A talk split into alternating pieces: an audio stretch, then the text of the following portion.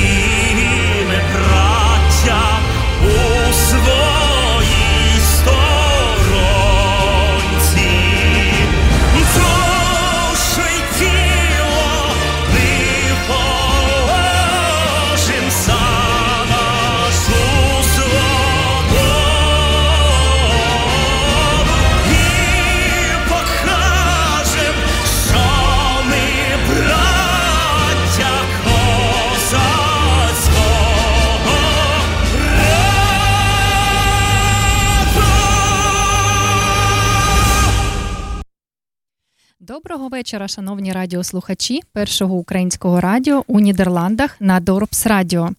І сьогодні в ефірі ми хочемо е, вам озвучити те, що наша команда зростає, і до нас долучаються нові партнери. І сьогодні ви будете з нами. Я Олена Зашивайко і наша нова радіоведуча Лана Чумаченко. Лана, привіт. Доброго дня. Я вже посміхаюсь, така Лана Чумаченко. Знаєш, як е, е, коли ти диплома отримуєш у школі або університеті. І твоя вчителька каже: зустрічайте, і всі аплодують. Боже, мені дуже приємно, дякую. Доброго вечора усім. Я сподіваюся, що наступні дві години будуть дуже цікавими як для мене, так і для вас. Е, це дуже добре, і ми дуже щасливі від того, що наша команда зростає, і такі гарні люди, котрі хочуть е, цьому е, до цього долучатися. А на волонтерській основі це дуже важливо. І ми Велком. В нас тут зачекай, в нас є водичка, але я е, думаю, що це шампанське, тож е, давай так дякую. Чин-чин. Чин-чин. Yes. Так. І, як завжди, е, початок нашого ефіру ми хочемо розповісти про те, про що анонс. так, про те, що у нас буде відбуватися у, ефірі. Сьогодні ми будемо розповідати про культуру Нідерландів, тому що ми вже на своєму своєму опиті е, побачили, як це відбувається, і хочемо поділитися з вами. І і також е, так, Лана, що так, ти хотіла так, тепер? Так, вибач, я хотіла сказати, що в Телеграмі uh Люди, які вже стикнулися з культурою Нідерландів, і можливо, ви щось побачили для себе таке шокуюче, що не можете не знаю, забути або прийняти в свою культуру. Ви можете цим поділитись. Ми обов'язково на це звернемо увагу і зможемо так поговорити про це також. Так, Звісно, uh у нашому телеграм-каналі ви можете під останнім постом писати свої а, думки, побажання або питання. Так, і давайте про статистику, яка відбувається з нами і з нашою країною сьогодні. Згадаємо всіх, хто поклав своє життя за свободу, незалежність та суверенітет України. Бо для цих людей це були не просто слова, а сенс їхнього життя. Ми пишаємося нашим незламним народом, ми пишаємося нашою Україною. 339 дітей стали янголами України назавжди. Це статистика. Офіційна статистика на 25 червня 2022 року. Більше 611 дітей стали пораненими і тяжко пораненими. І це тільки згідно офіційних даних. А скільки ще ми не знаємо, скільки постраждало людей, не тільки дітей, а й чоловіків, жінок, старців. І це наше страшне сьогодення у 2022 році. Такого жахіття Україна не бачила з часів Другої світової війни. Давайте вшануємо пам'яттю кожного загиблого українця хвилиною мовчання.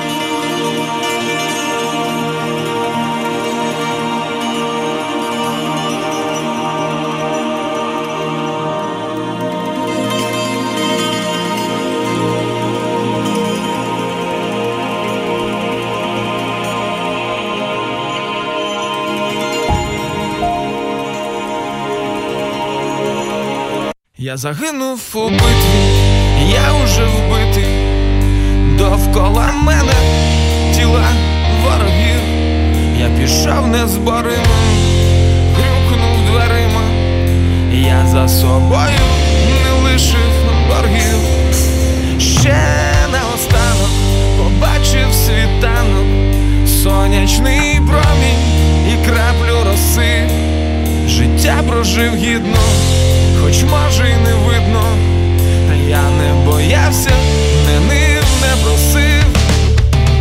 Я загинув у битві, я уже вбитий, довкола мене тіла ворогів, я пішов незборимим, грюкнув дверима, я за собою не лишив боргів. Ще наостанок побачив світанок, сонячний промінь і краплю роси. Життя прожив гідно, хоч може й не видно, та я не боявся, не нив, не просив, мене вже немає.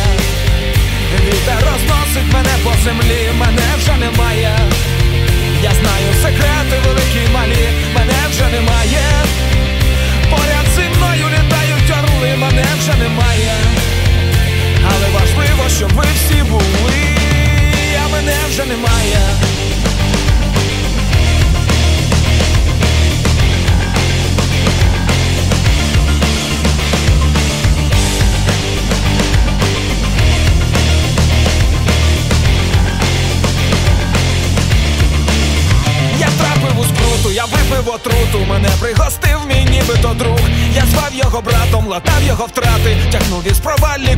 Лікував від недуг. А він мене зрадив, а він мене радо Підвів під удар балістичних ракет. І от я вмираю, прямую до раю. А він починає святковий бенкет, мене вже немає.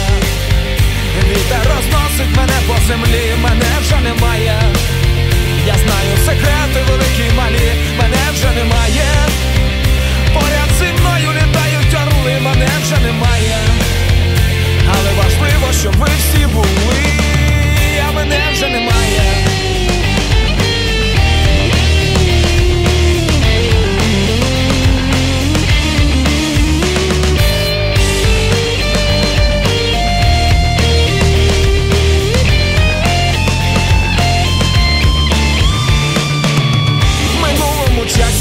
Їхав по трасі, якою до того їздив не раз, поводився чемно, та, мабуть, даремно. Мене протаранив нечемний Камаз, і всі мої плани, манливі омани, бо сталося те, чого я не хотів. На телеканалі смакують деталі, а я вирушаю до інших світів, мене вже немає. Вітер розносить мене по землі, мене вже немає. Я знаю секрети великі малі, мене вже немає. Поряд орли, мене вже немає. Але важливо, щоб ви всі були, а мене вже немає.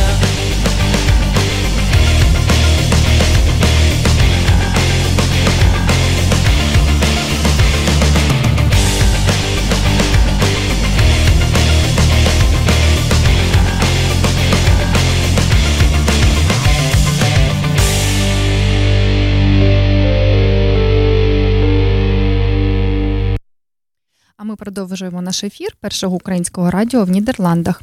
І тема сьогоднішнього ефіру культура Нідерландів. І як ви знаєте, це дуже дивовижна країна, де її столиця під назвою Амстердам радикально відрізняється від більшості інших міст. Е, тому що коли ми першого разу побували в Амстердамі, то було дуже дивовижно. Е, номінально владою тут має монарх, але фактично країною керує парламент. У Голландії дуже низький рівень злочинності. Це одна з найбезпечніших найбезпечніших країн Європи. Тут ліберально ставляться до людей усіх рас та кольору шкіри. Це правило поширюється на туристів. Національними рисами голландців є вічливість, пунктуальність та ощадливість, і приїжджим буде досить комфортно почуватися серед привітних та спокійних голландських країни. Так, слухай, я знаєш, я ще хотіла запитати, е, ти побачила, я ж така типу, є питання, є питання. А, З приводу Амстердама. А, В мене є історія, коли я вперше приїхала до Амстердаму, але перш ніж я е, розкажу, я хотіла запитати тебе. Ось ти кажеш, я познайомилась з Амстердамом. Розкажи, що це було за знайомство? Ой, Лана, ми приїхали з моїм 13-літнім сином і з мамою, і поїхали в Амстердам е, подивитися, що то за місто, бо, звісно, про нього кажуть всі Легенди. дуже багато легенд. так. І е, у нас були знайомі, котрі нам провели таку міні-екскурсію, але ж приїхати до Амстердаму зразу, ну куди? Ну куди mm-hmm. до Амстердаму? Ну туди. Ти знаєш, як в дитинстві е, ти там кажеш, мама там е, приїздить, не знаю, там Потап і Настя Кам'янських, Кам'янських. І мама каже: Ти що, на концерт? Куди? Тебе ж там затопчуть. Це те ж саме, ну ти розумієш? Так. І коли ми з моєю мамою і сином зайшли на оту знамениту вулицю ліхтарів, я була шокована, тому що я не знала, що мені робити, чи дитині очі закривати, mm-hmm. чи чи розворачуватись та йти кудись в інше місто. Але ж я розумію, що це легально, це все нормально, і ну що, ну треба якось уже йти вперед і пояснити. Так, і отож ми прийшли, а потім зайшли за куточок, а там молода дівчина з хлопцем роблять собі сигарету. Ага. Але ж не з тютюну. Ну так. І в мене вже я дивлюсь на мамину реакцію, а в неї такі очі. Мама зрозуміла, да? Мама каже: доцю, а ми точно туди приїхали. А що син? Ну, син е, так це зробив собі бабуся, це марихуана, успокойся. Так, так, Він зробив собі такий вигляд, що він ну він ж тінейджер, він mm-hmm. він вже все розуміє, і ну все нормально, все ок. Ото таке у нас було знайомство. І коли ми першого разу приїхали з Амстердаму, я так собі аналізувала і думаю, невже така вся Голландія? Mm-hmm. Ну як вони тут живуть? А вже з часом, от зараз, коли я побачила дуже багато місць, то я можу вже з певністю сказати, да, що не тільки Амстердамом Голландія mm-hmm. пишається. так. Не Амстердамом єдиним. А, Слухай, в мене Розкажи свою історію. Так, в мене була ну, чомусь схожа історія. А, Я коли тільки приїхала в Нідерланди, я оселилася ну, хотіла сказати поблизу Амстердаму, але це і є Амстердам, поблизу аеропорту Схіпхол. А, Так, і перше, от знаєш, перше враження про Нідерланди. Це я у березні приїхала, і тут польові роботи були. Угу. І дуже такий, ну знаєш, стійкий. Ну, Аромат. Аро, от Ти знаєш, я я думаю, як замінити слово сморід, але так, аромат. І я декілька днів я просто жила, і я не розуміла, не, ну от серйозно, тобто я розуміла, що Нідерланди це така велика ферма, але щоб настільки. І оце е, перше таке відчуття цього аромату, я з ним звикалась. Потім я така думаю, так, ладно, е, треба шукати щось позитивне, щось хороше. Поїду у Амстердам. Сіла на трамвай, приїжджаю там до якоїсь станції в центрі. Це це просто знаєш, це треба в фільмах е, показувати. Я стою біля дверей, ну, виходити з е, трамваю, відкриваються двері.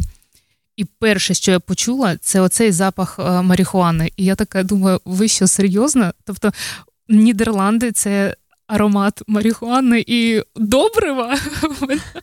Я така: о, ні ні ні ні ні Оце було перше е, таке враження взагалі про країну. Але зараз, звісно, зараз воно змінилось повністю. Я вже не відчуваю ні того, ні того, бо ти привикаєш до цього, звикаєш. Звикаєш, угу. так, і бачиш набагато більше краси і угу. дійсно культури Нідерландів, тому що Амстердам, ми ж всі знаємо, що то більш е, для туристів, ну, а да. Голландія справжня, вона трішки в інших містах. Це правда, це правда. І от е, нідерландці вони такі дуже добрі і толерантні. Мабуть, це перша країна в світі за рівнем толерантності, і це дійсно так, тому що вони не зважають на колір шкіри, на твою расу, на твоє віросповідання.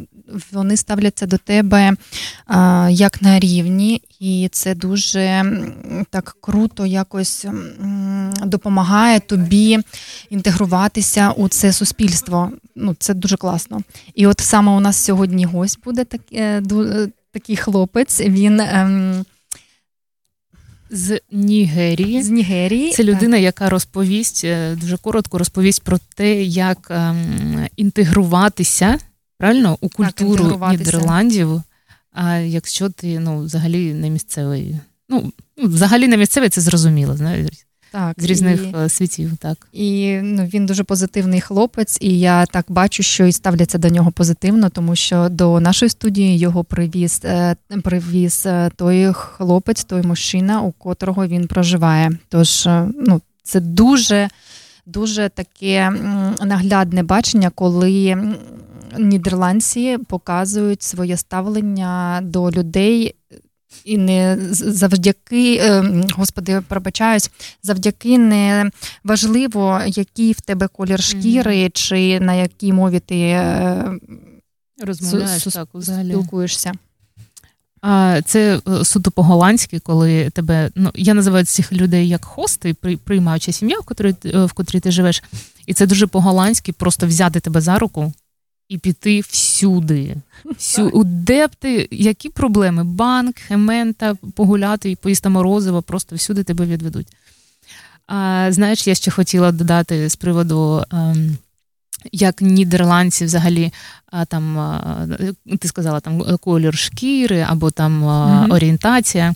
А, Я коли готувалась до сьогоднішнього ефіру, я там читала, так, в мене було е, був невеличкий час про інбургерінг. Це як, ну знаєш, ти да, е, ця історія? Так, це е, коли ти хочеш отримати паспорт е, нідерландський, тобі треба здати екзамен. Трошки так, пізніше про всю історію да, і всі, да. всі, всі, всі Цю інформацію. Цю інформацію. От трішки пізніше я більш детально про це розкажу, але зараз я е, мені згадалась е, така історія. Одна дівчинка розказувала, да, дівчинка розказувала, що на цьому інбургерінгу задали таке питання: от уяви собі екзамен на е, державному, державному рівні. рівні, так, і задають вопрос. Отже, ви йдете по вулиці і бачите двох людей однієї статі, які цілуються. Ваші дії. Ну, я ж розумію, що вони тут толерантні, і це нормально, бо, бо в Амстердамі я бачила таку пару. І знаєш, Лан, е, я до того, як почалася війна в Україні, проходила дуже класне навчання, і наша компанія саме була новатором в Україні. Mm. З приводу толерантності. І ми вже були підготовлені, бо нам розповідали дуже круті спікери, що це нормально, і дійсно е, такий був переломний момент спочатку. А вже там через два, через три місяці ти розумієш, що то дійсно е, справа тієї людини, котра живе і. Ніхто не може там вирішувати, що то нормально чи ненормально. Mm-hmm. Тож я вже була підготовлена, і, мабуть, е, завдяки тому навчанню, котре проходило, я вже нормально ставилася до таких е, сексуальних відносин. Mm-hmm. І я про це. Постійно розповідала своєму синові, тому що я розуміла, що ми в Нідерландах, що тут все це норма, і він таке може бачити, і е, він повинен е, нормально реагувати. І дякую Всесвіту, що в моєму житті дійсно так сталося, mm-hmm. що я пройшла той шлях і ті бесіди з тими спікерами, і ці піднімали теми, і я нормально інтегруюся, і для мене це норма. Ну, отак от. От е, з приводу, до речі, і культури, е, і того, як відрізняється культура України і Нідерландів. Е, чомусь ти бачиш, з маличку вони ну, якось показують дитині, дитині, що це нормально. І що нічого страшного немає. От в Україні є така невеличка проблема, коли оберігають дітей від інформації. Як мені здається, від інформації не треба оберігати. І знаєш, е, деякі люди вважають, що ось якщо моя дитина дізнається, що є там геї, він стане геєм. Але ж друзі, не працює. Це так не працює. Не працює. І ти знаєш, е, ще дуже класно наглядно було, коли. Ну, от коли почалося це навчання, ми якось дуже так реагували боляче, і це було, знаєш, як їжачки такі. Ну, що ви нам mm-hmm. кажете? Та ну що ви? Ну, у нас таке не це ненормально, це якісь больні люди. А от потім, коли вже психологи проробляли цю тему, і коли до нас онлайн, е, а то ж був е, коронавірус, і ми не могли е, спілкуватися тет-а-тет. І у нас ці зустрічі проходили онлайн і. З Києва приєднувались до наших мітингів люди саме з цими наклонностями і розповідали свої історії. І от Мене дуже розчулила та історія людини. Він був чоловіком, в нього була дружина, в нього є діти. І в якийсь момент він зрозумів, що він вона, і він зробив собі операції. І це було ну, дуже довго. І от саме про це і про свій біль, і про біль не тільки свій, а й таких же людей, як і вона, мабуть, часа два розповідав. І коли ти бачиш, бачиш те відчуття, що відчуває людина, ти розумієш, що то дійсно життя цієї mm-hmm. людини, і ти не можеш втручуватися, бо ти не маєш права на це. І от після цього, коли ти бачиш наглядно, що відбувається з цими людьми, то ти зовсім по-іншому реагуєш, і ти вже на це не, не звертаєш уваги. Такий подитожимо. Я дуже сподіваюся, дуже сподіваюся, що наразі, ну давай так, скоро в Україні в школах почнеться як і в Нідерландах, як і в Європі. Як це правильно називається? Знаєш, уроки сексуального виховання. Так, діти вже просять. У нас у нас був івент такий е, Steam Streams, е, де було більше ста дітей нашого міста, і там був присутній мер міста. І вже по закінченню цього стімстріму він вони вийшов хлопець і каже: Будь ласка, мер, ну зробіть нам в школі уроки сексуального навчання. І він був так шокований, але це дуже зайшло. І я думаю, що дуже скоро mm-hmm. буде трансформація у нас навчального процесу, і дійсно. Будуть розповідати діточкам, е, як реагувати, що робити. І ось з цього починається культура вже так. європейська з самого дитинства. Бо гей-паради і в Україні є. А як до них відноситись, е, наразі не всі розуміють. Так. Добре, дякую. Що ми на музик... на музичну паузу переходимо? Так, давай, О, послухаємо давай. музику. Діти, мила мамо і тату, я йду на війноньку нашу землю захищати, не плачте за мною, якщо в полі згину, все віддам за любу неньку нашу Україну. Єднаємося,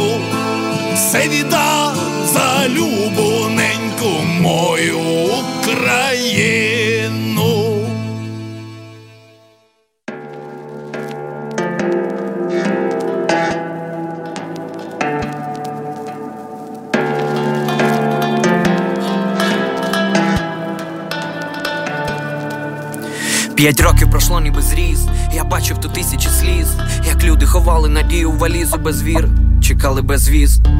І поки по помилках ліз, здіймався, то падав униз. В душі мої всі ці роки готували мій перший потужний реліз.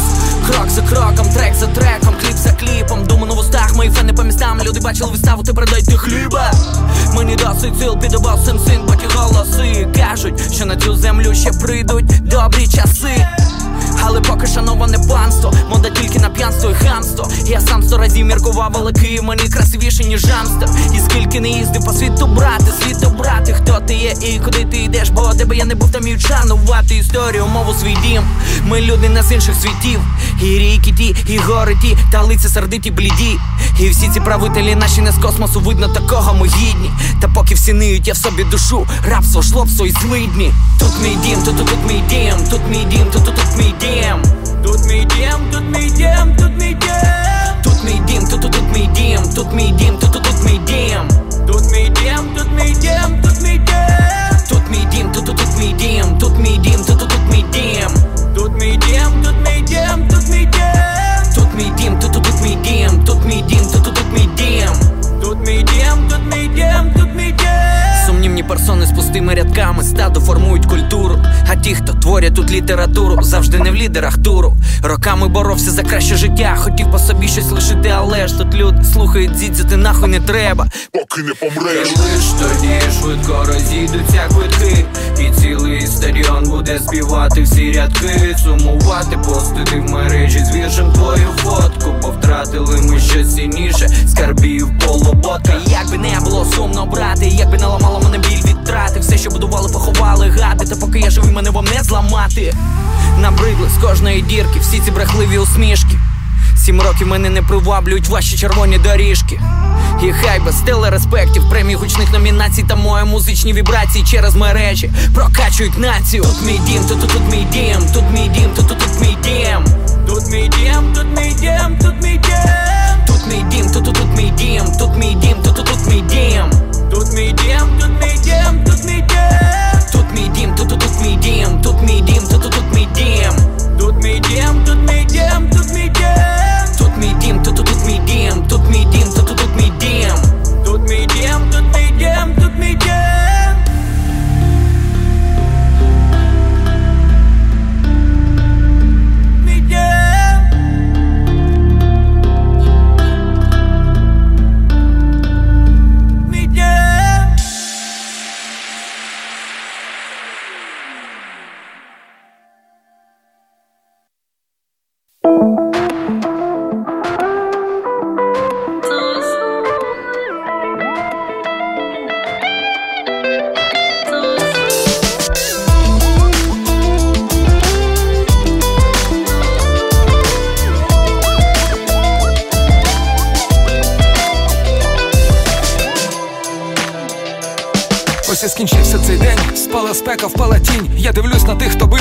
назавжди залишився.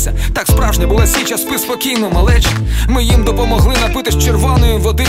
А ті, хто впали ввечері зранку, не здіймуться з землі, їх з собою понесуть чорні круки та вовки. Я дивлюсь на свої руки, мов чужі липки від крові. Ми стояли тут до останнього, не за гроші, а заради волі. Я залишився один у безкрайньому степу. Я пішов, я не міг бачити сиріт та заплаканих вдов по гіркому полину, по чумацькому шляху, як безпритульний собака, я йшов байдуже.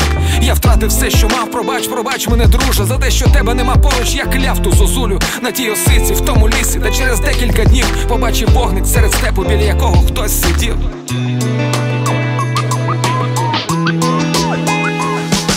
Зозуля на осиці мені у лісі кувала, а я навіть не знаю, це забагато чи замало. Зозуля на осиці мені у лісі кувала, що буде зі мною, вона просто не знала.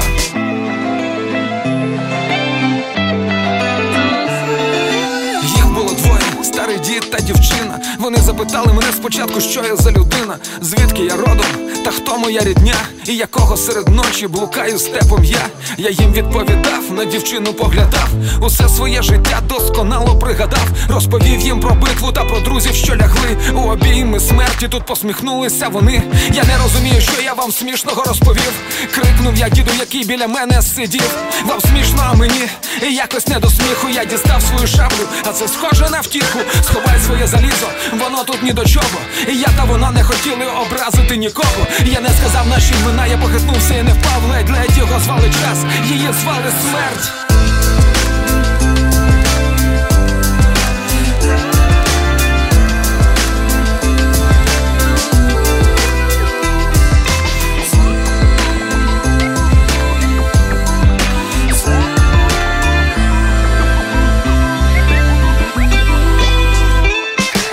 Зозуля на осиці мені у лісі кувала, а я навіть не знаю, це забагато чи замало.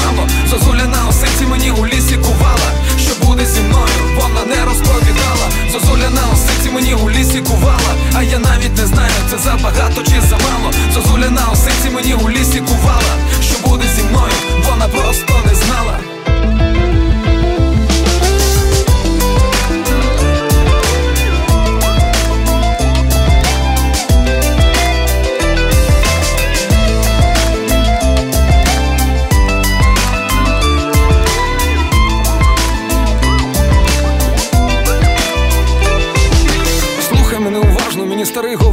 Навіть не дивуйся, що серед ночі нас у степу ти зустрів, бо ти єдиний з тієї битви, хто розповість дітлахам про їхніх батьків, що полягли за них там.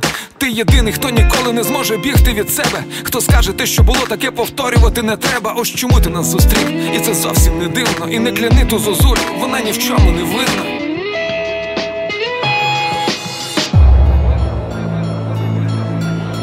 Головне, щоб кожна людина розуміла, що життя одне, і головне у цьому житті зробити щось таке, що можна буде передати своїм дітям. Тому думайте, любіть і вірте, все буде добре.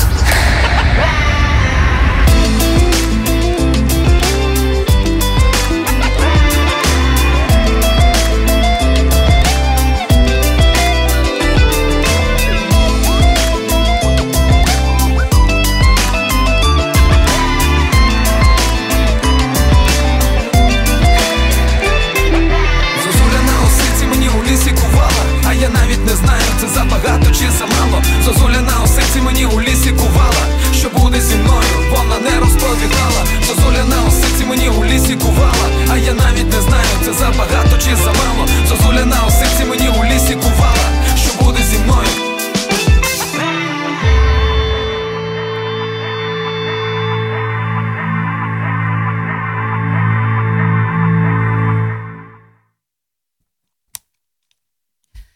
Так, ну що, один, два, три, чотири. Не, не, не чую себе. Один, два, три, чотири, п'ять. Так, ну що, я тут, да, мені здалося, що невеличка у нас а, технічна проблемка є, але мені кажуть, що все добре.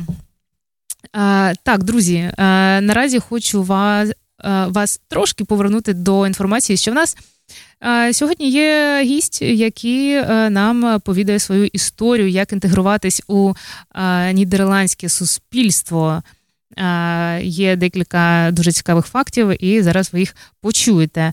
А, а допомагати мені у цьому е, буде Наталія. Наталя. Наталя буде е, перекладачем. Доброго дня. Так. О, вечора вже. Вечір. Добре, Наталя, може ви тоді і е, представите нашого гостя? Да, до, до, нас сьогодні завітав Оскар, і Оскар е, студент з України.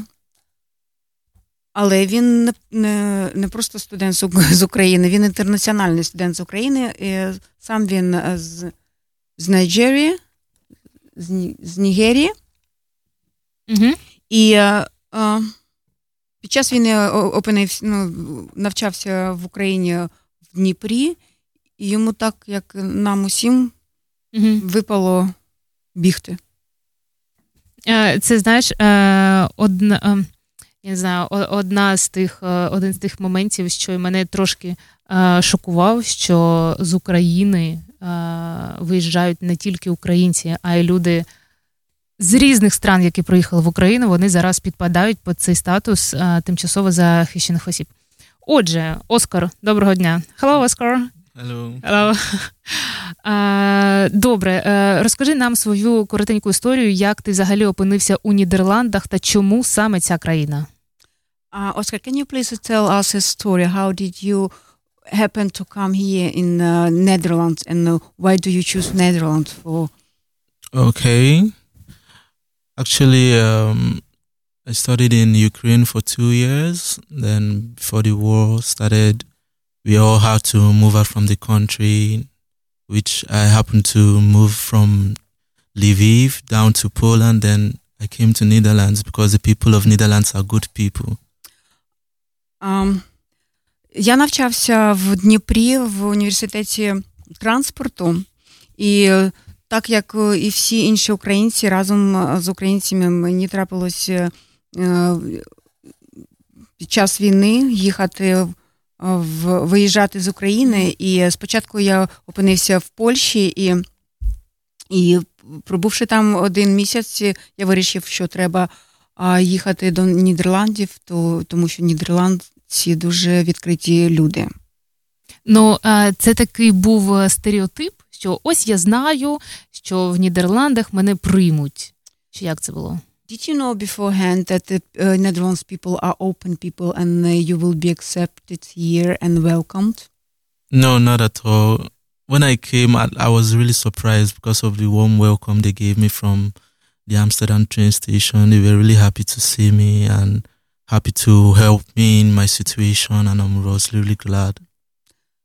Ні, я не зовсім знав про це, але коли я приїхав в Амстердам на центральну станцію, я був дуже здивований, наскільки щиро вони мене привітали і почали одразу допомагати. Це, знаєш, я на це теж звернула увагу, наскільки люди щасливі, коли допомагають іншому.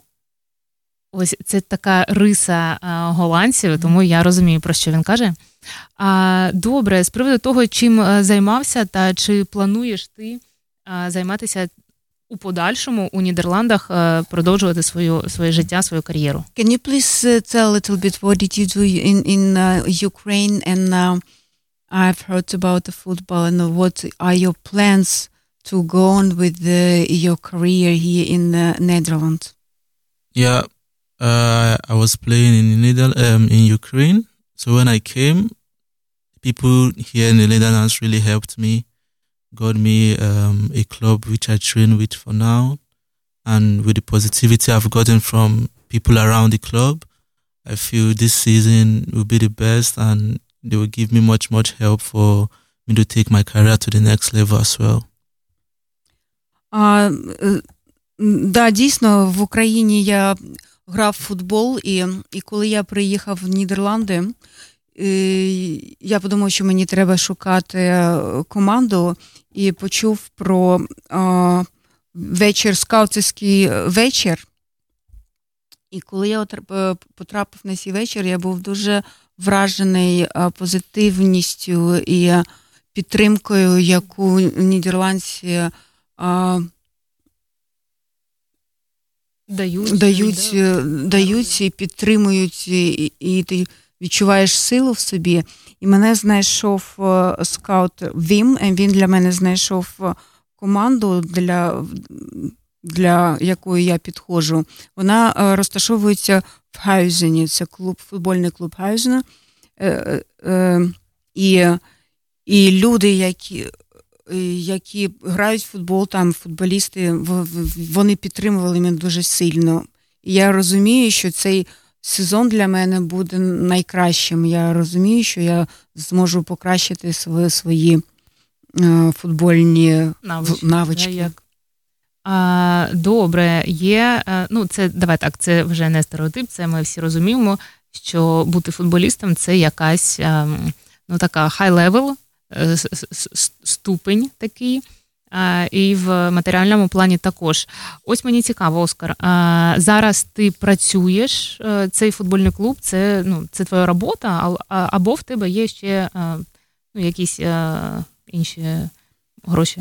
Like uh, uh, everybody, if uh, people thinking about football player, they're thinking about money and and uh, the footballer, uh, the top footballs, they earn money.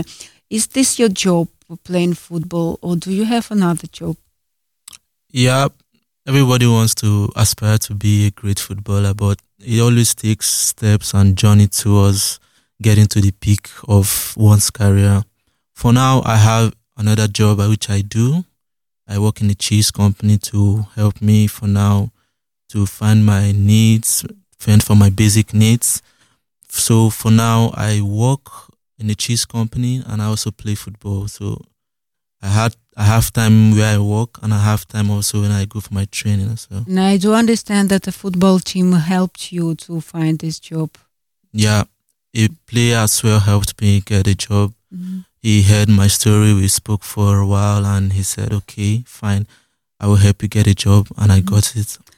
А, е, звісно, що кожна людина думає, якщо він ду- думає про футболіста, думає про, про гроші, і це великі гроші. Це не мій випадок. В моєму випадку я грав в Україні в Low Division, і зараз в мене теж це, це не моя робота.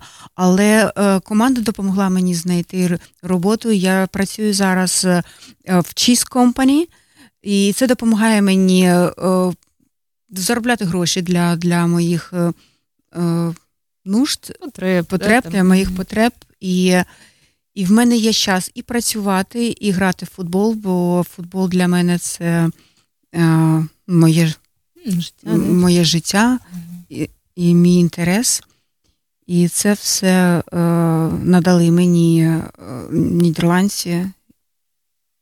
В мене е, таке запитання, Оскар. Е, Як багато сиру ти з'їдаєш за один день? How many cheese do you eat in one day? Funny enough, I don't really eat cheese.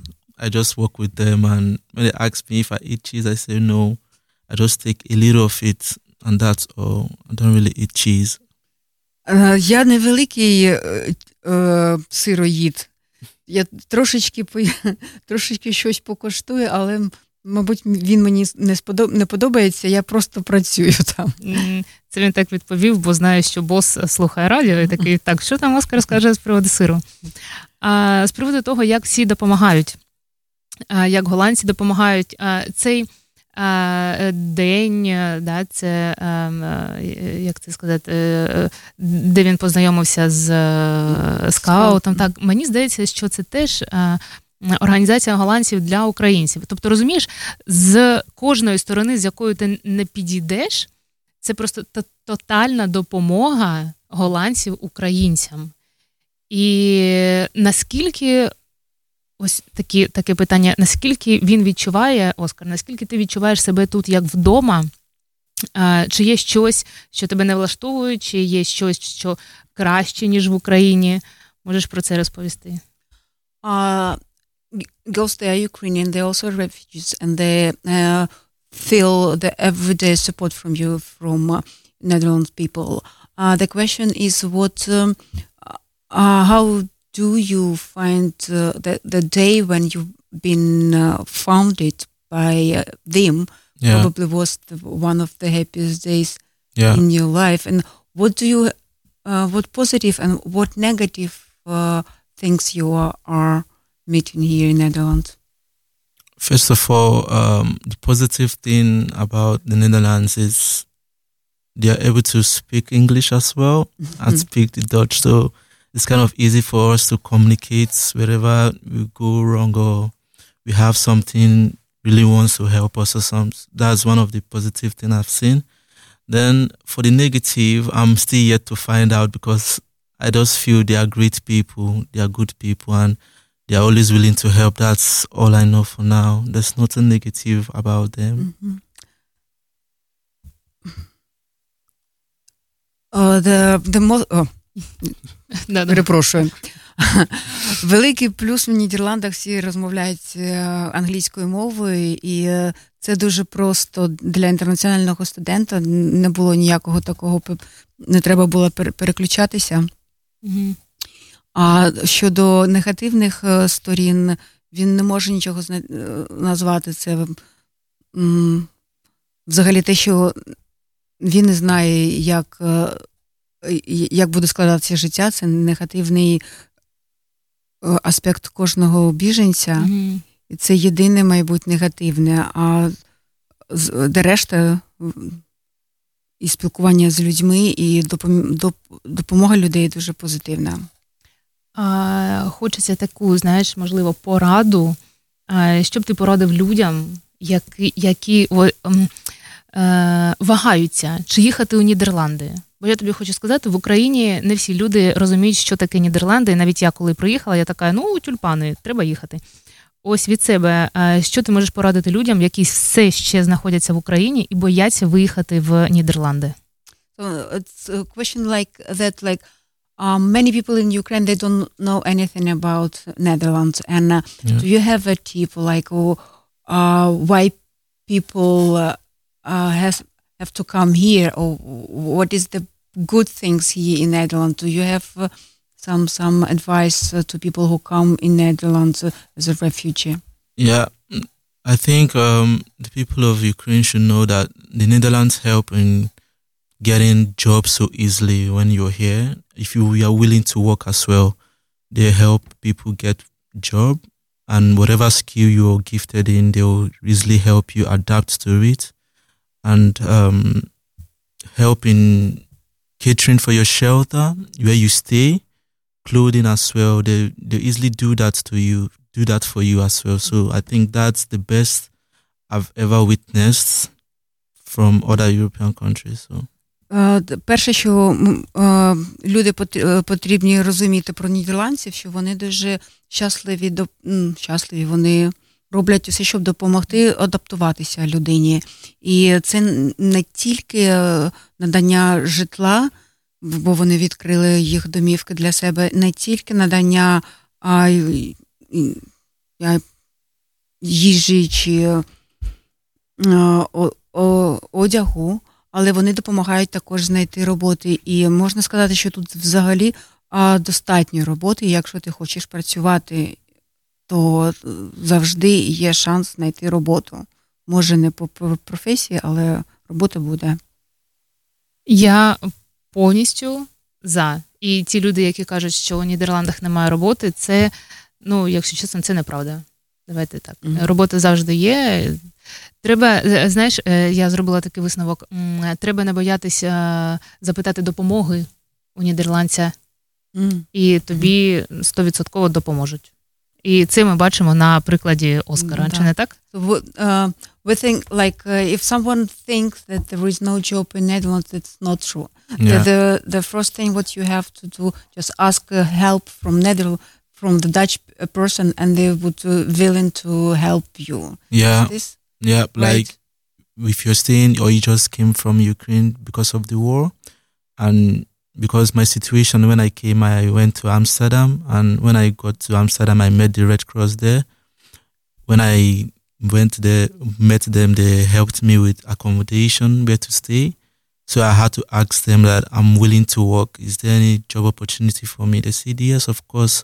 And they had to make thousands of calls and make calls and opportunities came and, and I grabbed it.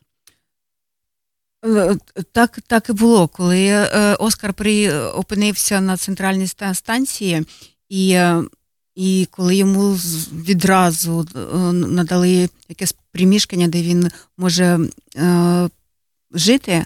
А друге питання у Оскара було, як я, мені здається, у кожного українця теж, де я можу працювати. Mm-hmm.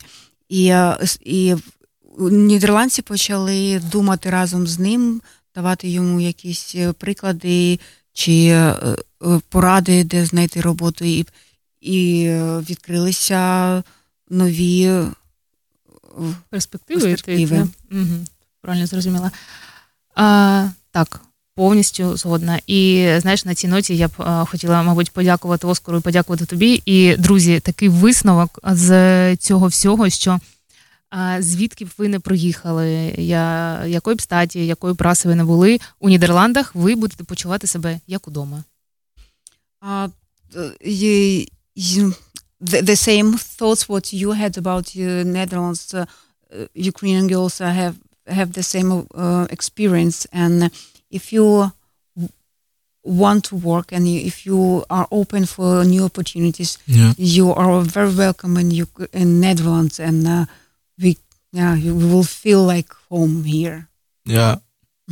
Like the the weather is comfortable, the people are comfortable, the food as well is okay for you as well. So everything around just feels like home here. Yeah.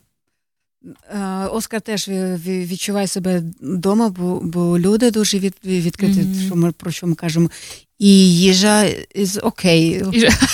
Ну так звичайно, працює на сирній фабриці. Добре, дякую. Дякую, друзі. А ми переходимо на музичну паузу. Thank you.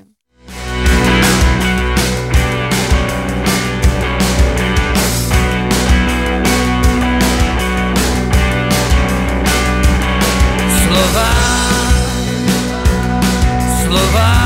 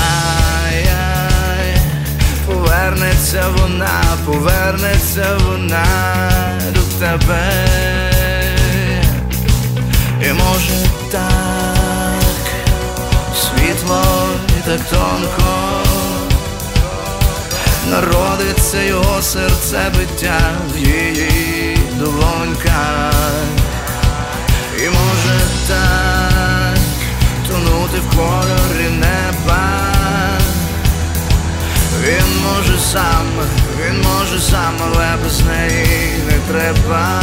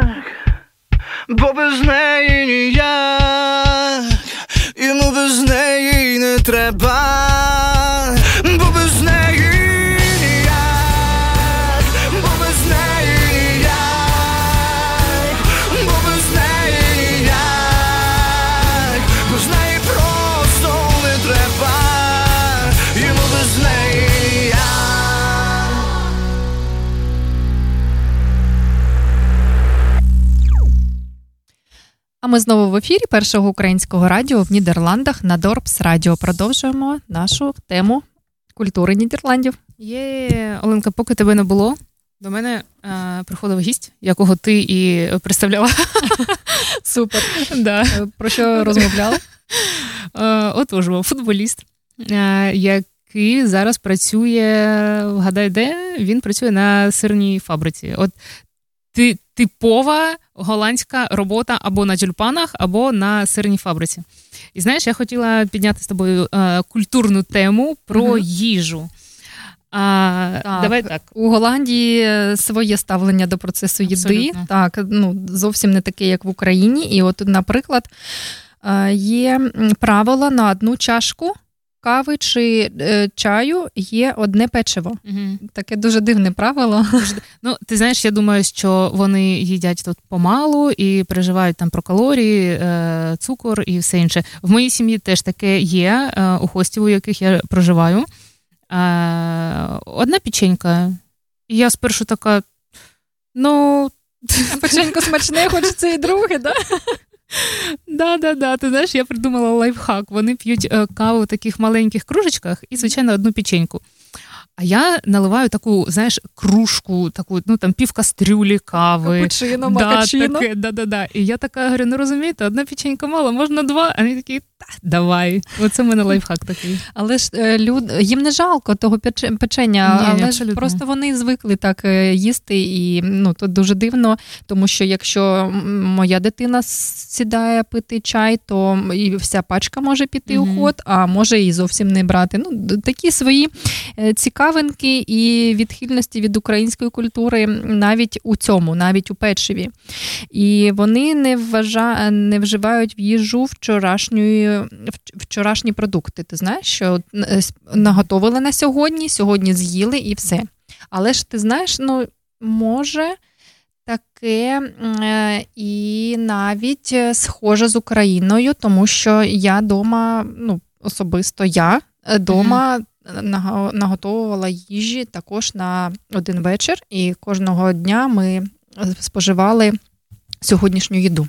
Ти розумієш, в чому відмінність? Але не борщ. Але не борщ. Ну, да. ну, Борщ то е, взагалі інша історія. Ти ж знаєш, що борщ йому треба настоятись, і через три дні він смачніший. І це, ну, да, це інше. Так. Тут е, ти розумієш, в чому відмінність?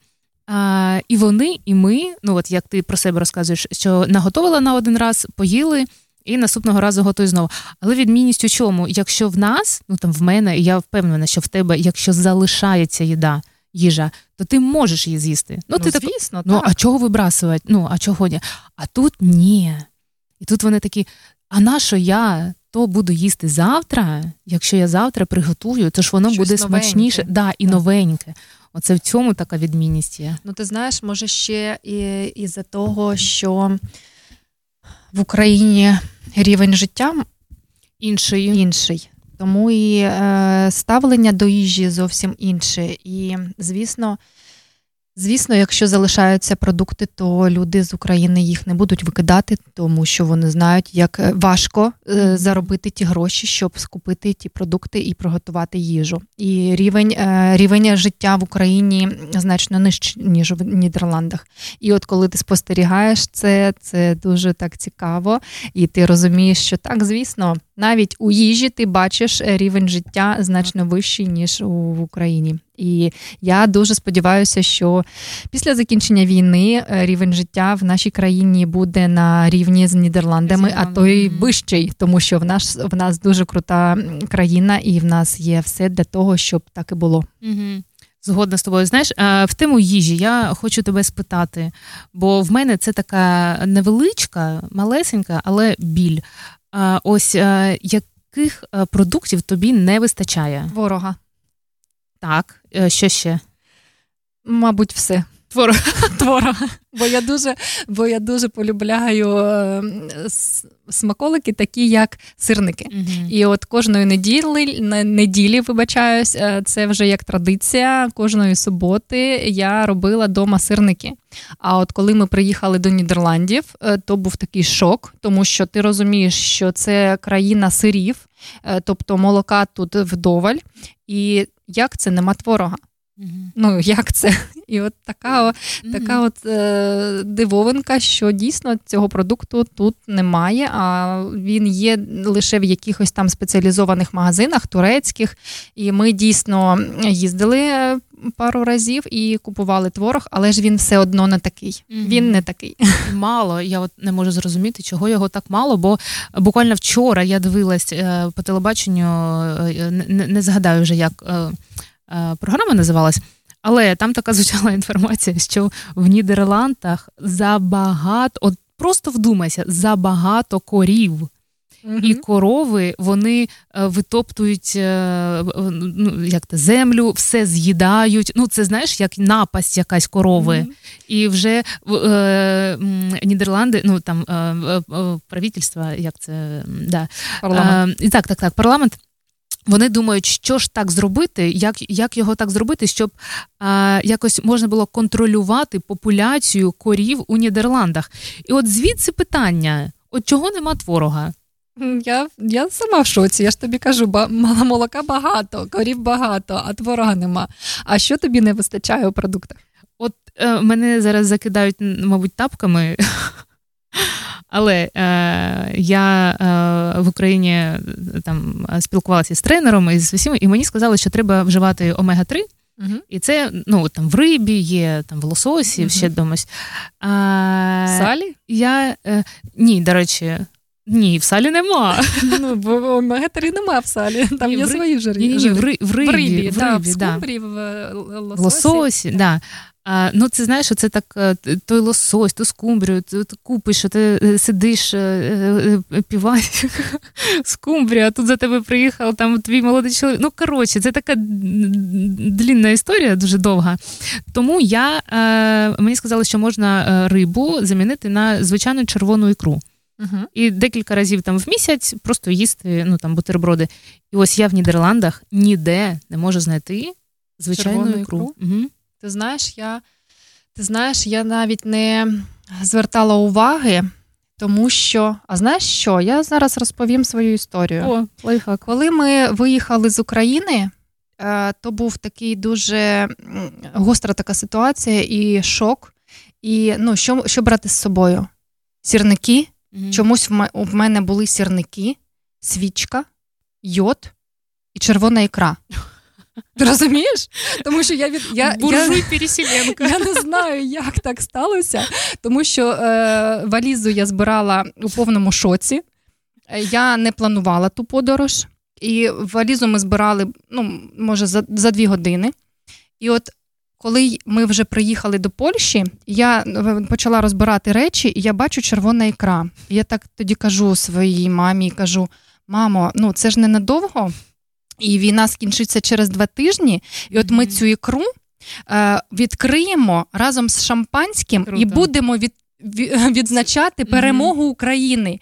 І оця баночка ікри червоної, вона в мене стоїть, і я її відкрию лише тоді, коли нам скажуть, що Україна перемогла. Це такий символ символ нашого цього нашої цієї подорожі, нашої історії. Я тебе підготую. Коли Україна переможе, я це дізнаюсь. Я подзвоню і скажу: я їду. Окей, будемо відзначати разом. Бо, бо я знаю, де знайти ікру у Нідерландах. Так. З приводу, давай ще так е, е, завершимо е, тему їди і культури їжі у Нідерландах. Мене знаєш, ще що шокувало, що тут бутерброди це це нормальна їда. Ну, от е, в Україні, коли там дитина, ти там супчик, там борщик, пловчик, так. а вона бутерброд схватила, і ти що кажеш, то не їжа, а тут ні. А тут е, бутерброди, так, це нормальна їда, і саме що дуже круте, і я хочу це привезти до України і хочу пригостити всіх українців цими бутербродами це хот-дог з е, оселедцем. Оселедцем, да. Це так круто. Першого разу ми спробували, коли їздили до е, моря. І я ну, хот-дог та й хот-дог. А коли я бачу, що там оселедець, думаю, ну щось таке цікаве. А коли ти його спробуєш, ну дуже дуже крутий смак. Тож я рекомендую всім спробувати такий хот-дог з оселедцем. Так, це дуже таке. Так, а ти знаєш, яка вже е, також в них є е, особистість у нідерландців? Вони люблять дуже свята. Mm-hmm. І, от, наприклад, коли е, день народження у людини, то приходять гості, і вони вітають не лише людину, у котрої день народження, а всіх, всіх гостей. А Це дуже кра- круто. От, от ну, я, я тебе поздравляю, що ти працюєш там з Наталією.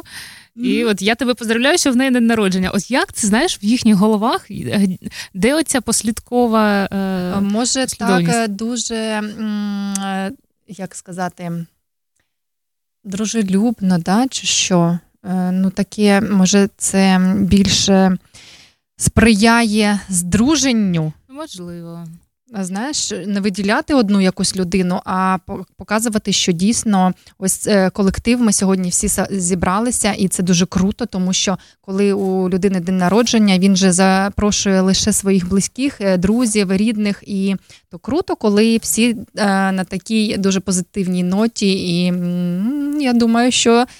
Не тільки не тільки іменинник у цей день відчуває себе дуже класно. Це круто. Знаєш, я а, хочу, друзі, хто нас зараз слухає, хто нас зараз чує, а, українці. А, коли ви наступного разу підете на якийсь е, день народження, ось просто спробуйте привітати не тільки іменинника, а й усіх гостей. І просто подивіться, яка буде реакція, що буде. Ну, скажете, що це да, я це до речі, до речі, одного разу, коли ми були на весіллі. А, І завжди ж там весілля, молода та молодий, за вас тости, і там все таке інше. І от у нас така була дуже весела компанія, і один хлопчина встає і каже: Молодий та молода, ви такі класні. А ще у вас дуже круті друзі. Друзі, за нас тост. І от то було дійсно весело, і всі почали сміятися і піднімати келихи. Тож. Так, Дружина. це дуже дуже класний лайфхак. От Просто попробуйте це зробити у своєму середовищі. Так, согласна. А, Знаєш що? Давай послухаємо пісню і вернемося. Я ще хочу попитати тебе про секонд-хенди. Давай. Гарна тема.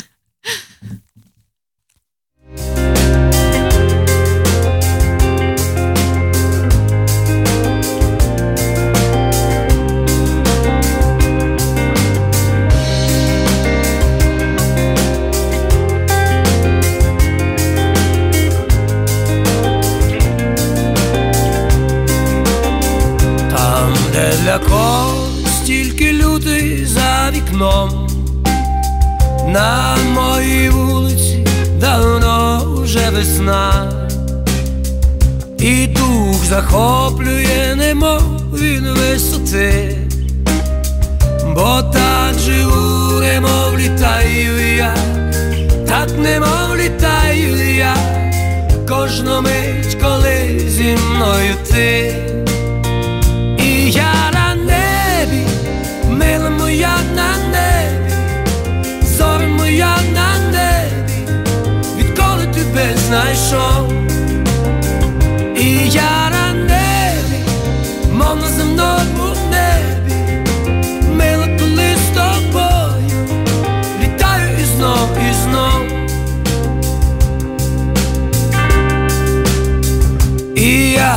Знаю, як світанок настає, і як закінчився улюблений альбом, бо не бажаю ні хвилини самоти, і так живу, немов літаю я, так немов літаю я, кожну мить, коли зі мною ти.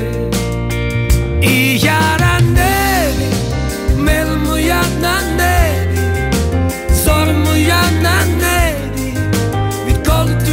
знайшов.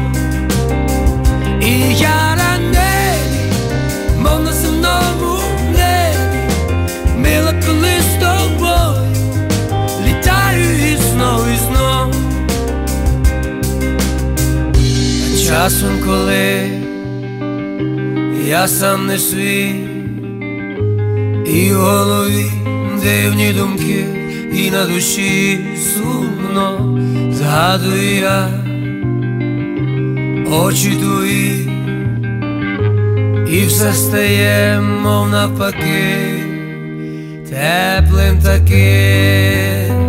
І я на небі, мила моя на небі, зоря моя на небі, відколи я на небі, мов на земному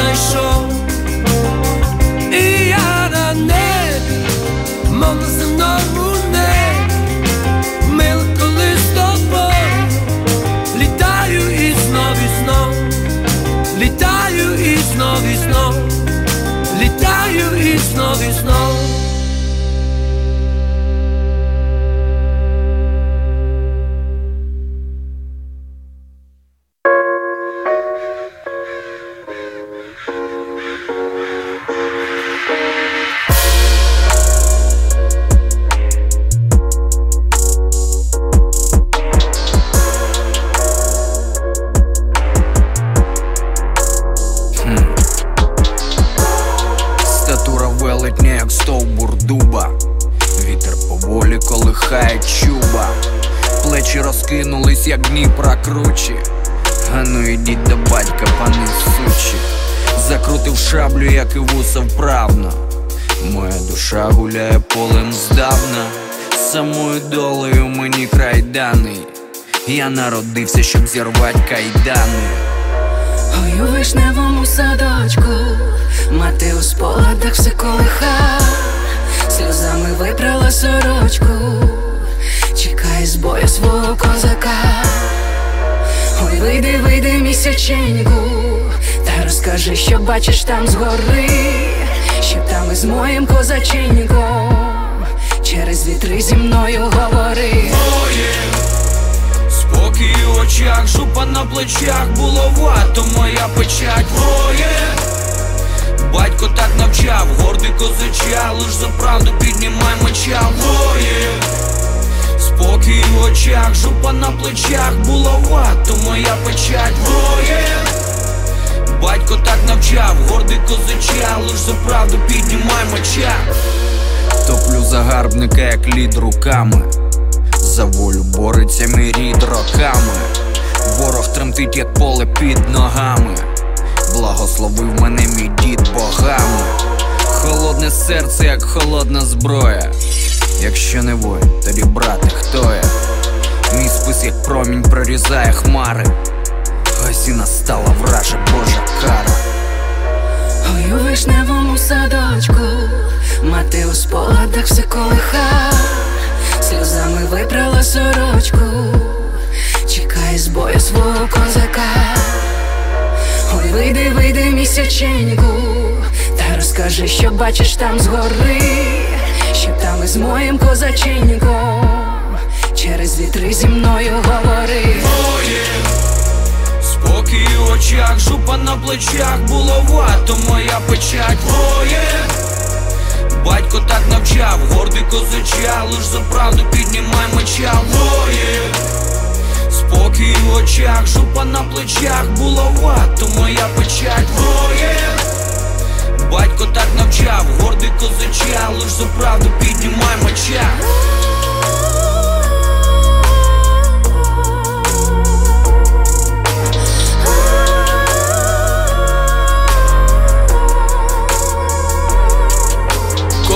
Козача потилиця, панам не хилиться, шаблею по чолу тим, хто посмілиться, прийти на мою землю з кулею чи мечем, буду боротися, доки Дніпро тече козача потилиця, панам не хилиться, шаблею по чолу тим, хто посмілиться, прийти на мою землю з кулею чи мечем, буду боротися, доки Дніпро тече козача потилиця, панам не хилиться, шаблею по чолу тим, хто посмілиться, прийти на мою землю з кулею чи мечем, буду боротися, доки Дніпро тече козача потилиця, панам не хилиться, шаблею по чолу тим, хто посмілиться, прийти на мою землю з кулею чи мечем, буду боротися, доки Дніпро тече.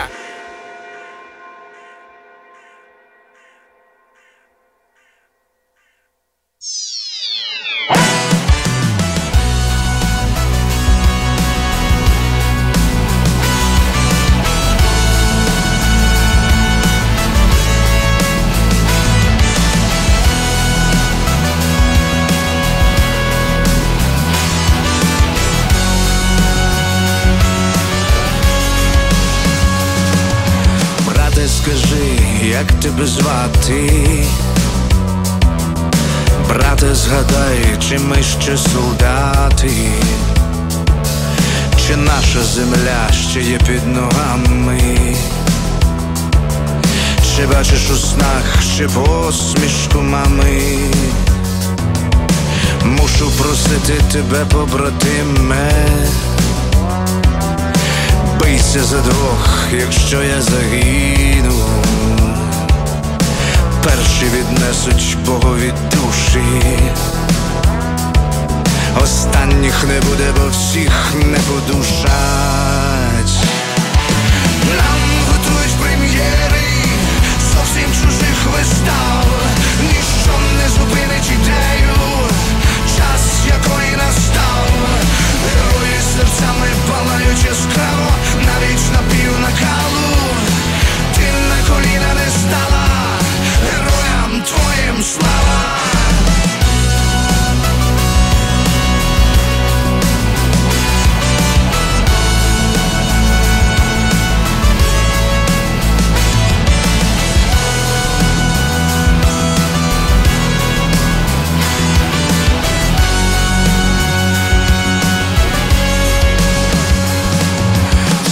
Брати, не майте страху.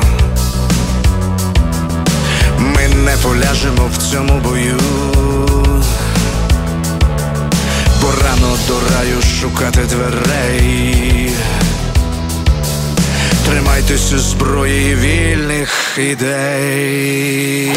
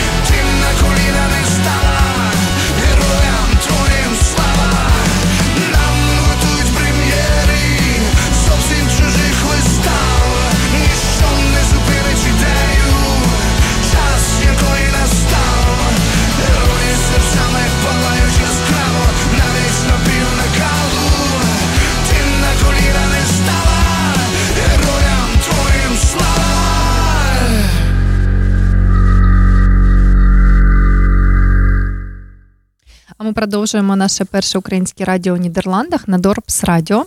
Сьогодні розповідаємо про нідерландську культуру. І Ланочка, ти хотіла побалакати про що? Про секонд-хенди?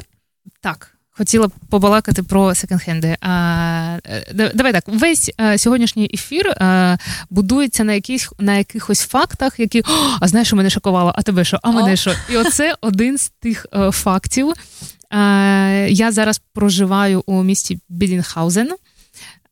І коли ця така хвиля українців приїхала.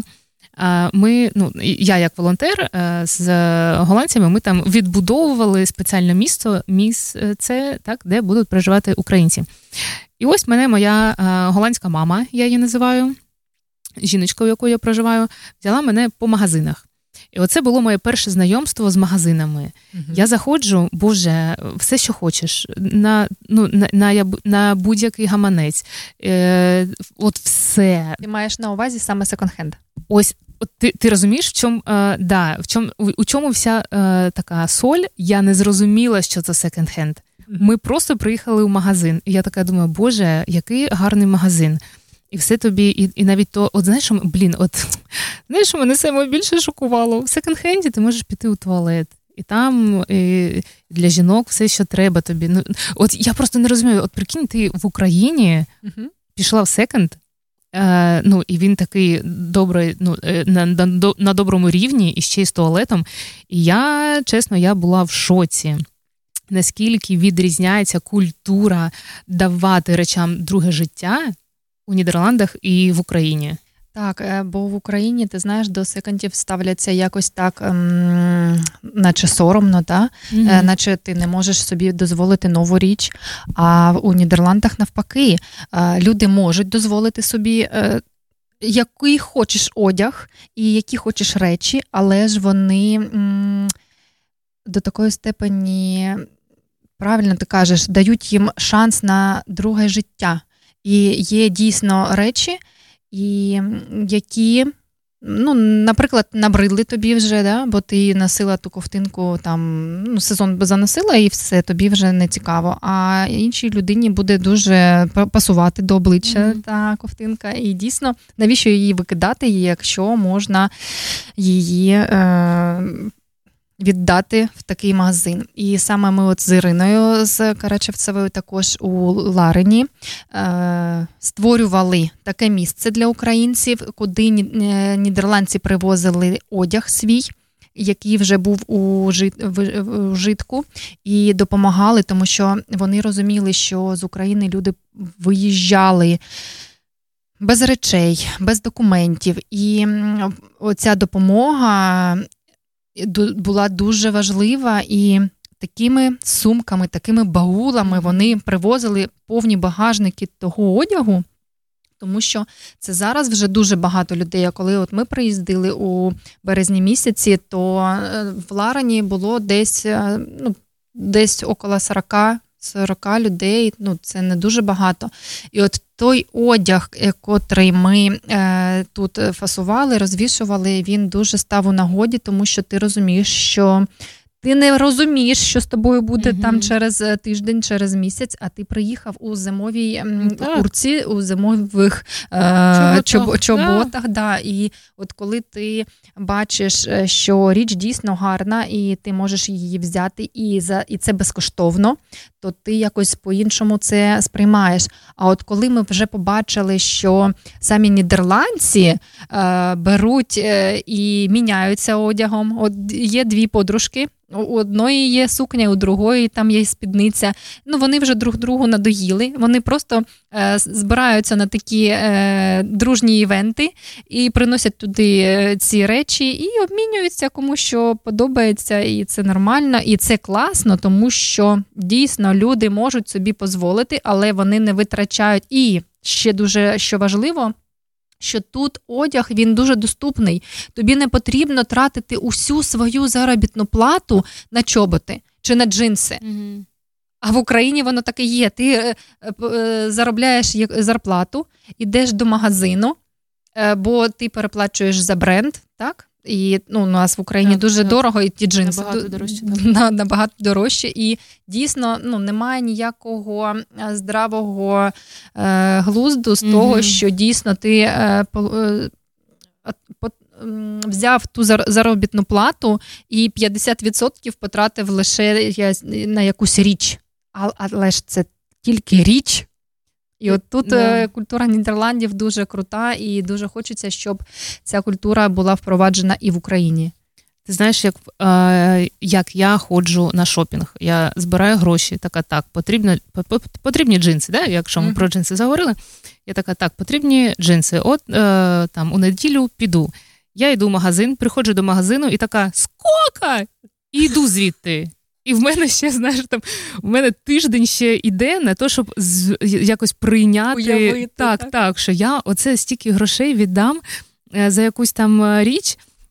Тут кардинально відрізняється. Я коли приїхала і ну, там хо- ходила по магазинах, просто Ти кажеш, скока? Так мало? Да, да, я я не могла зрозуміти. Я там ось е, із, зі своєю голландською мамою ми поїхали у Зволи, і там дивились е, там Валентіно, там сумка. Мгм. І я така, ну там, там е, я не пам'ятаю, здається, 70 щось 5 євро. І я така, ну такого не може бути. Я кажу, це підробка. Вона каже: Та ні, ну то такі ціни. Ну вон дорожча є там за 200 євро, але це ну цей бренд. Це просто дешевше, може, ніж з цієї колекції. В нас такого нема. І знаєш, тут е, з приводу е, секонд-хендів, е, у нас є така не дуже е, е, ну, така цікавинка, е, особливість, що ти витрачаєш більше грошей, і ти цим, ну як Хизуєшся. хизуєшся. Типу, бачила, я можу там потратити там стільки грошей на брендову річ. А вони хизуються тим, Що вони не, потрап... ну, не потратили ці гроші. так, І... що так, я зекономив, дивись, там, або я свої речі там віддав і там в секонді взяв там іншу річ там безплатно, бе- там безкоштовно, там за 3 євро. Тобто е, на, на рівні культурного прийняття зовсім по-іншому. Це Бачиш? ментальна відрізність е, нас від Нідерландів. Так, і от саме за джинси, так ми за- заговорили з тобою.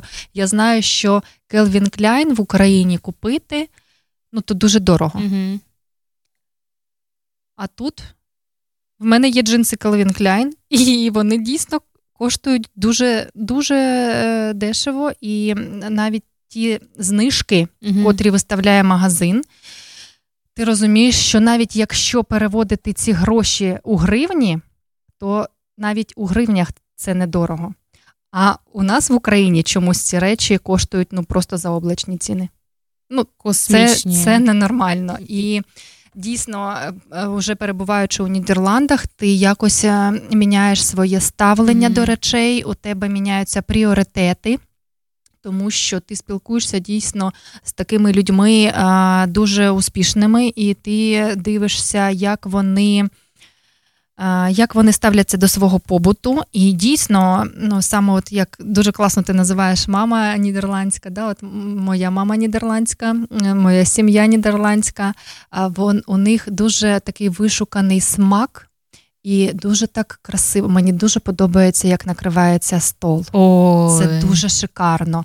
Але коли я бачу це у композиції, начебто на той стол потрачено мільйони. Мгм. Але коли я сідаю за той стіл, я дивлюсь, ага, ця свічка. Я знаю, що ця свічка коштує там в магазині там півтора євро. Мгм. Ця скатертина коштує в Ікея там стільки грошей. То ти розумієш, що а, це не дуже дорогі речі, але вони так круто скомпоновані, і це така е, композиція, на котру хочеться дивитися, і ну, це дуже цікаво, гарно, і це те, чого хочеться взяти собі.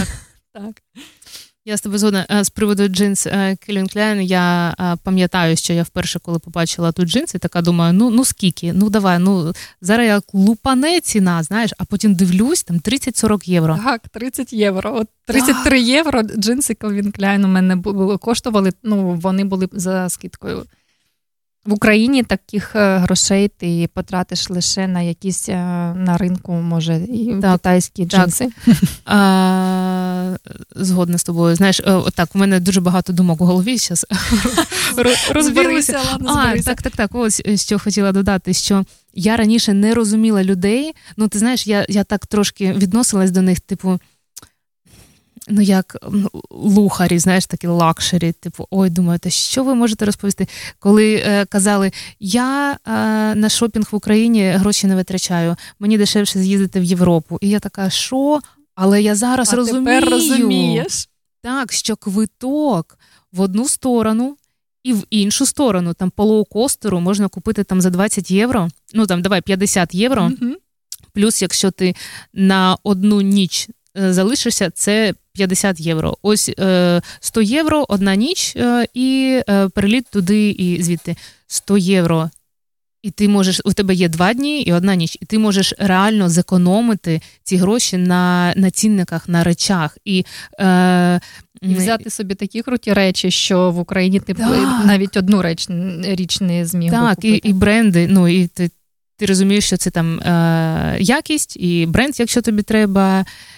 Боже, ну до, до речі, ну, але ж але ж ти знаєш, шок. що я тобі ще хочу сказати? Ну на завдяки брендам то круто, але ж дуже гарно і багато речей, саме не якихось там відомих брендів. От навіть той магазин Примарк. Там, mm-hmm. от я я сьогодні була в тому магазині.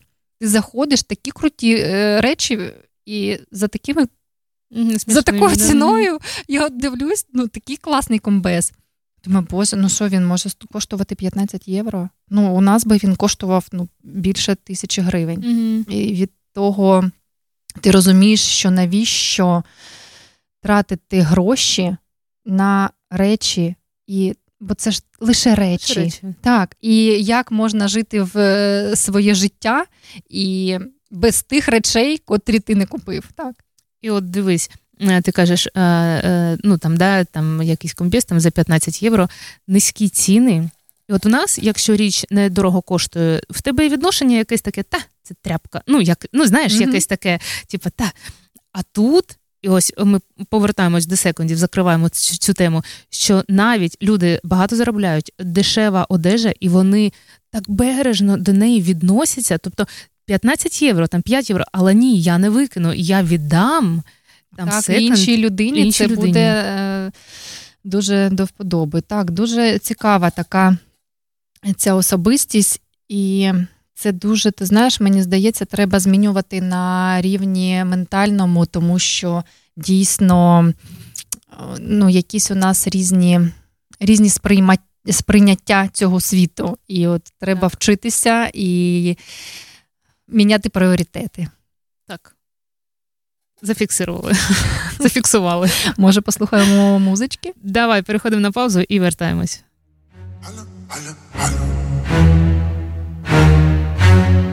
Несе галя воду, коромисло гнеться, за нею Іванко, як барвінок в'ється. Несе галя слухнеться, за нею Іванко, як барвінок п'ється. Галю ж моя, Галю, дай води напиться. Ти така хороша, дай хоч подивиться. Галю моя, Галю, дай води напиться. Ти така хороша, дай хоч подивиться. Вода у ставочку, то піди напийся, я буду в садочку, прийди, подивися, прийшов у садочок, зозуля кувала, а ти ж мене галю, та й не шанувала, не шанувала, не шанувала, не шанувала. Стелися барвинко, буду поливати, вернися, Іванку, буду шанувати, стільки не стелився, ти не поливав, стільки не вертався, ти не шанувала, ти не шанувала, ти не шанувала. Гнеться, за нею Іванку, як барвінок в'ється,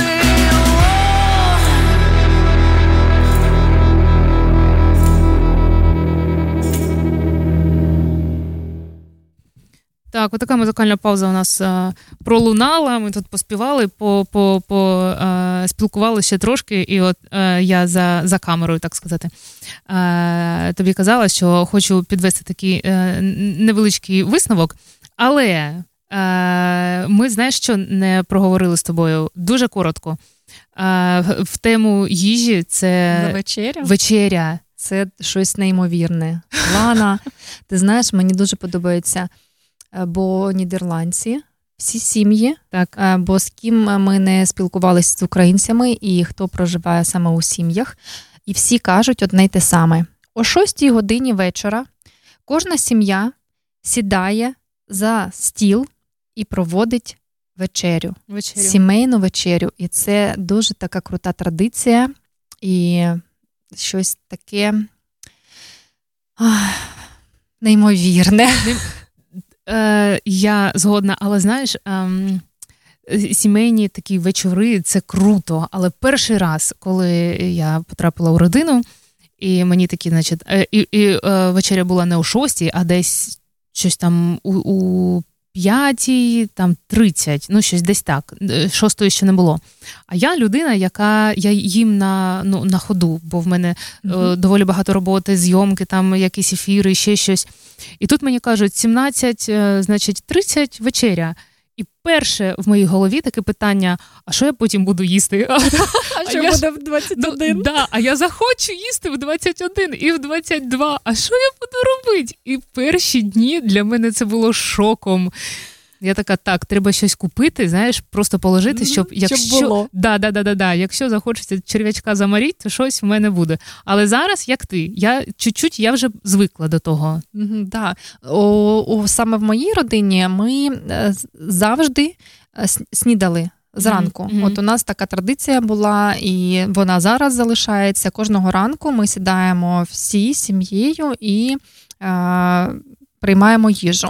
А тут дуже круто, що ввечері всі люди прийшли після хто після роботи, хто після школи, хто ну, після своїх якихось там фітнесів чи ще якихось занять. І от ти сідаєш ввечері і розповідаєш, як пройшов твій день, е, спілкуєшся з родиною. Ну, Дуже класно.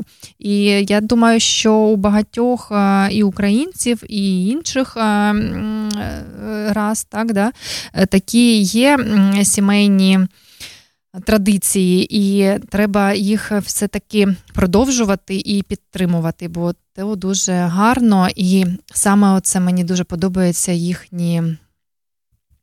Е, скатерті, да? Ска, а, скатерті ну, да, свічі дуже дуже красиво. Це я привезу в Україну. Я давай, о Боже, я ще стільки всього хотіла а, говорити, але але вже а, е, часу немає. Ось про скатертини а, розкажу тобі історію. Е, Також в мене сервіровка вдома, ну mm-hmm. просто там все, що хочеш, келихи. Я вперше бачу, щоб ось так просто до вдома всі члени родини вечеряли з келихами води. Ну, як ти знаєш, там в ресторані та, mm-hmm. там подають воду, але щоб вдома, ну в нас немає такої культури. Я така думаю, ну ось відрізняється, свічки, е, завжди квіти на столі, відрізняється, скатертини тут теж відрізняється. І я така думаю, ну невже в моєї голландської мами нема нічого е, того самого з моєю Що з твоєю так, рідною так, мамою? З, укра... з українською мамою. Так, так, так. Е, і одного вечора ми сидимо, я бачу, ну там е, така, е, як це сказати, шафа невеличка. Шафа, угу. так. Е, Я думаю, що ж там у цій шафі? Я кажу, слухайте, а що у вас в цій шафі? Вона каже, підемо, я тобі покажу. Вона мене підводить до цієї шафи, відкриває дверцята, а там весь, я тобі клянусь, там вся шафа в сервізах. Ось що і є спільне. І я така, мама, так ось же воно, десь там внут... знаєш, всередині щось таке мамське є. І ось і оця. Ем як це сказати, жарт, який знаєш, коли там маму, мама або бабуся, там чого ви не використовуєте сервіс? Кого ти чекаєш? Королеву. Mm-hmm. А тут ти так і не пошути, не, не пошуткуєш, бо тут, тут є король, є, король, король, є і королева.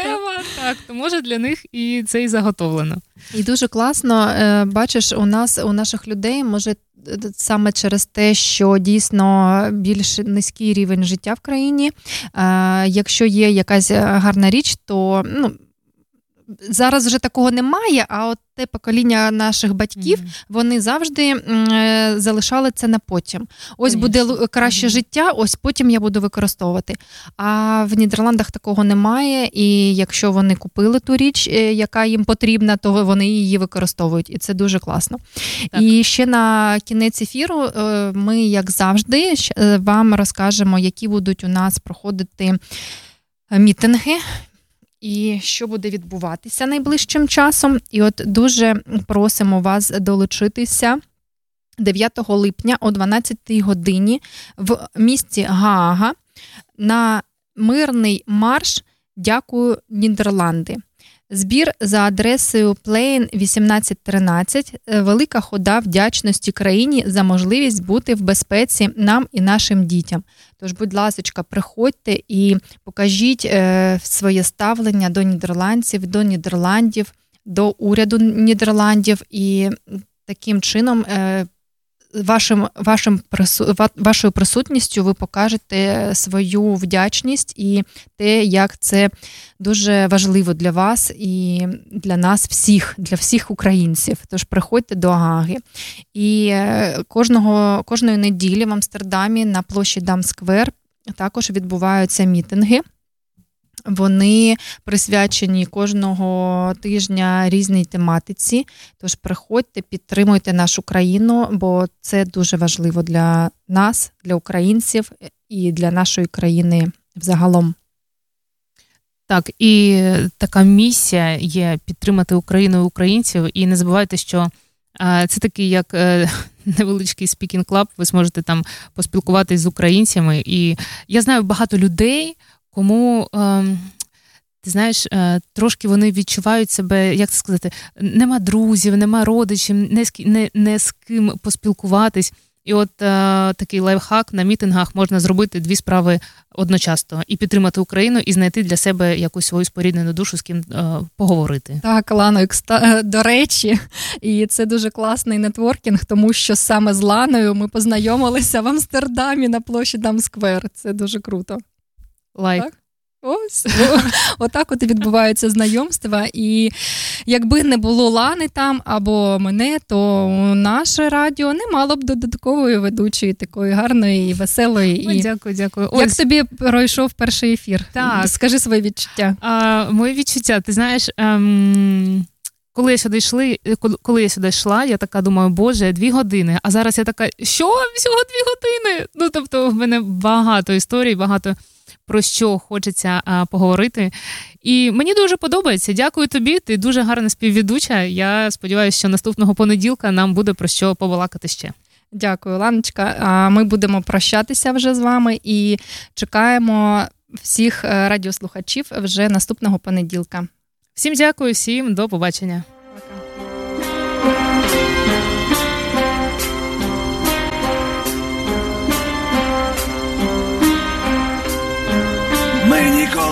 Ніколи рідної мови. Ми ніколи не зрічемося рідної землі. І борітися поборете будь-які змови. І борітися поборете все, що у злі. Заспівай.